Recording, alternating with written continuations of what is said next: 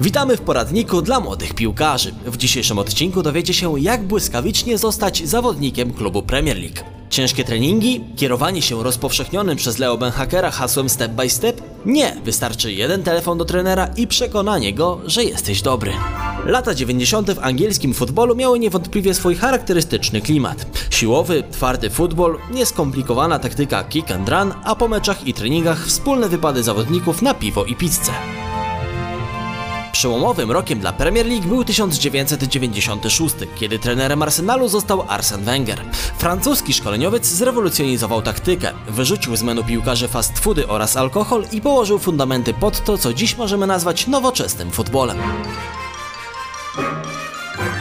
W tym samym roku, gdy w północnym Londynie Wenger rozpoczynał erę profesjonalizmu, na południu kraju miało miejsce wydarzenie, które do dziś wspominane jest w kontekście braku profesjonalizmu. Bohaterem tej historii jest Ali Dia, najdziwniejszy transfer Premier League. Z tej strony Konrad Szymański. Przed Wami historie z boiska. Pierwszy tego typu piłkarski podcast w Polsce. Jeśli słuchasz tego na YouTube, pamiętaj, że historie z boiska są również dostępne na platformach podcastowych jak Spotify oraz iTunes. Przenieśmy się do Southampton. Klub z hrabstwa Hampshire zakończył sezon 95-96 na 17 miejscu w tabeli, a spadku uniknął tylko dzięki lepszemu bilansowi bramkowemu. Davida Merringtona na stanowisku trenera zastąpił legendarny gracz Liverpoolu Graeme Sunes. Szkotowi również nie wiodło się najlepiej. Drużyna świętych zajmowała dolne rejony tabeli i zapowiadało się na powtórkę z zeszłego sezonu. Walka o utrzymanie i nic poza tym. Pewnego listopadowego dnia w gabinecie Sunesa zadzwonił telefon. Osoba po drugiej stronie przedstawiła się jako George Weah, ówczesny piłkarz Milanu, ubiegłoroczny laureat Złotej Piłki, piłkarz roku FIFA i jeden z najlepszych napastników na świecie. Zaskoczonemu Sunesowi wytłumaczył, że dzwoni po to, by polecić mu Aliego Die, swojego kuzyna, napastnika z Senegalu, z którym kilka lat wcześniej grał w Paris Saint-Germain. Szkocki trener po zakończeniu rozmowy przekazał swoim asystentom, by sprowadzili do Anglii tego piłkarza. Tak po prostu. Jak sam wspomina, Grał z George'em Weah w PSG, a ostatnio w drugiej lidze niemieckiej. Sprawdźmy go, zaprośmy na tydzień i zobaczymy, zaproponowałem. Kiedy dostajesz rekomendacje od kogoś takiego jak Weah, nie możesz tego zignorować. Ali zameldował się w Southampton. Miał ogromne szczęście, bo trafił na czas, w którym drużyna świętych była przetrzebiona kontuzjami. Właściwie jedynym zdrowym napastnikiem był Matthew Letizier. Dia praktycznie z marszu miał zaprezentować się w zaplanowanym meczu towarzyskim z rezerwami Arsenalu. I kto wie, jak potoczyłaby się jego historia, gdyby nie potężna ulewa, która zalała boisko, czym przekreśliła szansę na nieoficjalny debiut Senegalczyka w barwach Southampton. Podczas treningów z zespołem Dia, mówiąc łagodnie, nie zachwycał. Piłkarze Southampton traktowali go bardzo pobłażliwie, ponieważ byli pewni, że o żadnym kontrakcie nie będzie mowy. Letizier wspomina dość wymownie umiejętności Dii. Na początku byliśmy przekonani, że to chłopak, który po prostu wygrał możliwość trenowania z nami w jakimś konkursie. Razem ćwiczyliśmy tylko raz, podczas gierki 5 na 5. Prezentował się bardzo słabo. Zbliżał się ligowy mecz przeciwko Leeds, a Southampton lizało rany po zawstydzającej porażce aż 1 do 7 z Evertonem. Asystent Sunesa, Terry Cooper, który wyjątkowo dobrze wspominał umiejętności Dee na treningu, zasugerował, by włączyć testowanego napastnika do kadry. Nie mamy napastników, został nam tylko Letizier. Zaproponuj mu krótki kontrakt i wpisz do protokołu na mecz z Leeds, tak na wszelki wypadek. Sunes przyznał mu rację. Dia usiadł na ławce rezerwowych. Zaledwie po pół godzinie gry kontuzję zgłosił, no właśnie, Matt Letizier. Kto zatem został ostatnim napastnikiem w kadrze Southampton? Oczywiście Ali Dia. Trener nie miał wyboru. Napastnik z numerem 33 na koszulce wszedł na boisko. Mimo okoliczności, sam Letizier wspominał później, że nie spodziewał się, że dojdzie do sytuacji, w której ten uśmiechnięty chłopak pojawi się na murawie w meczu ligowym. Kibice świętych byli podekscytowani. Ten, którego polecił sam George Weah, w końcu zadebiutuje w ich klubie. Już pierwsza akcja Senegalczyka prawie zakończyła się bramką. Dia pomknął prawym skrzydłem, wbiegł w pole karne i uderzył z ostrego kąta na bramkę. Strzegący jej Nigel Martin odbił piłkę na rzut rożny. Kibice i tak wiwatowali. Nadzieje rosły, a ławka rezerwowych przecierała oczy ze zdumienia. Mijały minuty, a w szoku był już cały stadion. Bynajmniej nie ze względu na świetną grę Dee, ale na fakt, że piłkarz zwyczajnie unikał gry w piłkę, a jego występ, poza wspomnianym strzałem na bramkę, ograniczał się do bezmyślnego biegania po boisku. Sunes już po kilkunastu minutach zrozumiał, że został zrobiony w jajo. Letisier skomentował później nieporadne sprinty kolegi z drużyny tymi słowami. On poruszał się na boisku jak jelonek Bambi na lodzie. Byłem zażenowany, kiedy na to patrzyłem. Wszedł na boisko w moje miejsce, więc teoretycznie była to zmiana napastnika za napastnika, ale w praktyce on biegał wszędzie. Nie potrafił trzymać swojej pozycji. Przypominał mi kurczaka bez głowy. To było w pewnym sensie zabawne, bo za każdym razem pędził tam, gdzie akurat nie było piłki. Myślę, że to była jego strategia. Unikać gry, by nikt nie zauważył jego braku umiejętności.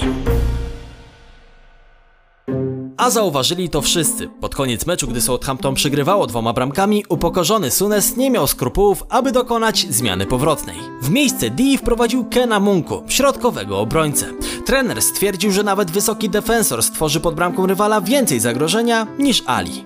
Mecz zakończył się porażką świętych, ale to nie wynik bolał Sunesa najbardziej. Tuż po meczu stwierdził: Wpuściłem go na boisko, chociaż nigdy nie widziałem jak gra, ale nie miałem już innych napastników. Czy podobała mi się jego gra? A podobałoby ci się, gdybyś dostał kopa w jaja? Ten mecz to symbol tego, jak wygląda obecna sytuacja w klubie. Ali nie był głupi na tyle, żeby ciągnąć tę szopkę dalej. Zorientował się, że Premier League to progi o wiele za wysokie na udawanie piłkarza. Następnego dnia pojawił się w ośrodku treningowym i zgłosił kontuzję. Po wizycie u fizjoterapeuty wsiadł w samochód i w tym miejscu skończyła się kariera senegalskiego diamentu w barwach Southampton. Po prostu wyjechał. Nikt nie wiedział gdzie. Nigdy więcej go nie widzieliśmy. Wspominał Letisier. W klubie zaczęto w końcu zadawać sobie pytanie, kim do cholery jest ten nieudacznik? Wieść o istnieniu kogoś takiego jak Ali Dia w końcu dotarła do domniemanego sprawcy całego zamieszania, czyli George'a Wea. Ten od razu zaprzeczył, że kiedykolwiek dzwonił do Sunesa, a o wspólnej grze z Senegalczykiem w Paryżu nie słyszał chyba nikt poza samym Dią. Kiedy wyszło na jaw, że Graham Sunes i całe Southampton padło ofiarą oszusta, okazało się, że telefony od fałszywego Wea dostało wcześniej kilku znanych trenerów. Jednym z nich był Harry Redknapp, wówczas szkoleniowiec West Hamu. Dostałem telefon od gościa, który przedstawił się jako Georgie Wea. Tak, ten Wea, piłkarz roku na świecie. Hej Georgie, powiedziałem, rozumiem, że chciałbyś grać w West Ham. Nie, ale mam dla ciebie piłkarza, odpowiedział. Wtedy zorientowałem się, że to musi być jakaś ustawka. Redknapp z dumą podkreślał, że nie dał się oszukać i od razu zakończył rozmowę. Nazwisko Wea zrobiło jednak wrażenie na Gordonie Strachanie, ówczesnym trenerze Coventry i Tonym Pulisie, trenującym wtedy drużynę Gillingham. Obaj zaprosili Die na testy, ale łatwo się domyślić, co było dalej. Strachan wspomina. Do klubu zadzwonił ktoś, kto podawał się za Wea. Zaprosiliśmy tego chłopaka na trening. Prowadził go mój asystent, bo mnie wtedy nie było w klubie. Opowiedział mi, że chłopak wygląda jakby trafił tu przez przypadek. Musiałem mu więc powiedzieć, że nie znajdzie tu zatrudnienia. Chciałem dodać, że z takimi umiejętnościami nie znajdzie go nigdzie. Identyczna historia miała miejsce w Gillingham. Pulis skomentował krótko. Daliśmy mu szansę, ale wypadł tragicznie. Okazało się również, że przed Southampton sztuczka na UEA udała się Dee w amatorskim Blyth Spartans. Do dziś w internecie można znaleźć wycinek z lokalnej gazety zapowiadający transfer afrykańskiego asa. Nie muszę chyba mówić, że koszulkę Spartans Blyth Ali założył tylko raz. Dziś taka sytuacja wydaje się niepojęta. No bo wyobraźcie sobie gościa, który dzwoni do klubów Premier League albo jakiejkolwiek innej ligi i mówi Witam, z tej strony Cristiano Ronaldo, mam dla was świetnego piłkarza. A trenerzy odpowiadają Okej, okay, zapraszamy na testy.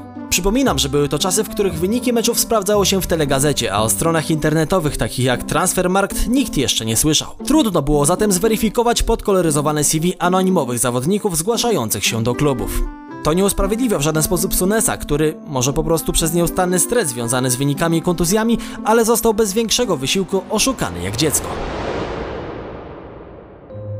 Wróćmy do ucieczki Aliego z Southampton. Według pracowników klubu Dia zabrał ze sobą dres świętych, a w zamian zostawił niezapłacony rachunek za hotel. Senegalczyk nie zamierzał jednak kończyć tak świetnie zapowiadającej się kariery. Kolejnym klubem, w którym uwierzyli w grę dla PSG, reprezentowanie Senegalu i bycie kuzynem George'a Weah było amatorskie Gateshead. Dostał bardzo wysoką, jak na warunki klubu, garzę około 1500 funtów, którą opłacili mu kibice. Pogłoski o tym, jakoby Diaz fabrykował swoje CV, roznosiły się po całej Anglii w szybkim tempie i dotarły nawet do malutkiego klubu. Jego właściciel, John Gibson, wspomina moment, w którym zorientował się, że uśmiechnięty Senegalczyk jest oszustem. Rozmawialiśmy o jego poprzednich klubach. Kiedy opowiadał o grze dla Paris Saint-Germain, wspominał o tym, jak świetnie rozumiał się na boisku z Dawidem Ginolą. Pokazał mi nawet zdjęcie, na którym byli razem. Tak się złożyło, że dobrze znam Ginolę, więc od razu zadzwoniłem i zapytałem go, co sądzi o Dee. Dawid był w szoku. Powiedział, że nigdy nie słyszał o tym piłkarzu, a o wspólne zdjęcie Ali poprosił go w jednym z barów w Newcastle. Mimo te konspiracji i beznadziejnej gry, kibice Gateshead polubili Aliego. Traktowali go jako kogoś w rodzaju maskotki klubowej. Nieudacznika, ale z ciekawą historią. Co więcej, ułożyli humorystyczną przyśpiewkę, której słowa brzmiały Ali Dia to kłamca, wielki kłamca. Senegalczyk uśmiechał się od ucha do ucha, w końcu trybuny skandowały jego nazwisko. Oczywiście sielanka nie mogła trwać długo, bo żarty żartami, ale kibice nie zamierzali z własnej kieszeni opłacać co miesiąc bardzo wysokiej pensji piłkarza, który w ośmiu meczach strzelił dwie bramki. Cały czas mówimy o poziomie amatorskim. Przygoda z Gateshead również dobiegła końca. Po latach dziennikarze pisma 442 przeprowadzili śledztwo mające doprowadzić ich do Dee, który po krótkim epizodzie, w rzecz jasna amatorskim, z Pennymoor United przepadł bez śladu. Dowiedzieli się jedynie, że po zakończeniu wątpliwej kariery rozpoczął studia biznesowe. Czym zajął się po ich ukończeniu? Jeden z dziennikarzy skontaktował się z przedstawicielem Northumbria University, gdzie studiował Dia z prośbą o pomoc. Usłyszał jedynie Staramy się śledzić drogę naszych absolwentów, jednak jego nie możemy namierzyć. W końcu w 2016 roku, 20 lat od tych szalonych wydarzeń, prawdziwą bombę wypuścił serwis Bleacher Report, informując czytelników, że reporterce Kelly Naki udało się skontaktować z Alim. Po długich rozmowach przeprowadzonych z rodzicami, siostrą i synem piłkarza, czytelnicy poznali tę niezwykłą historię od drugiej strony.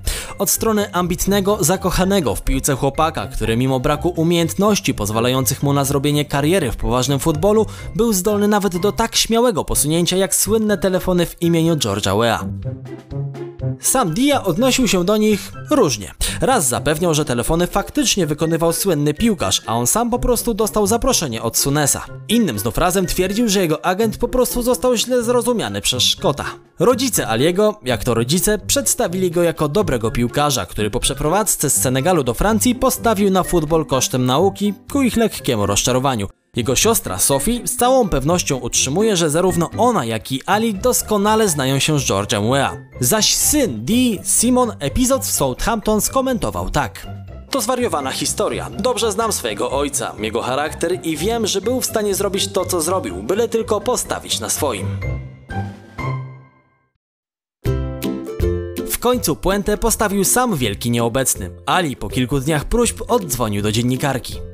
Dzięki Twoim rozmowom z moją rodziną w końcu mogłem się przed nimi otworzyć i wyjaśnić kilka spraw. Dziękuję Ci za to. To było dla mnie bolesne, szczególnie ze względu na moją mamę, która zawsze była wrażliwa na punkcie mojego grania. Bardzo chciała, abym skupił się na nauce, a ja porzuciłem ją ze względu na piłkę. Szczere rozmowy z rodzicami i synem podziałały na mnie oczyszczająco.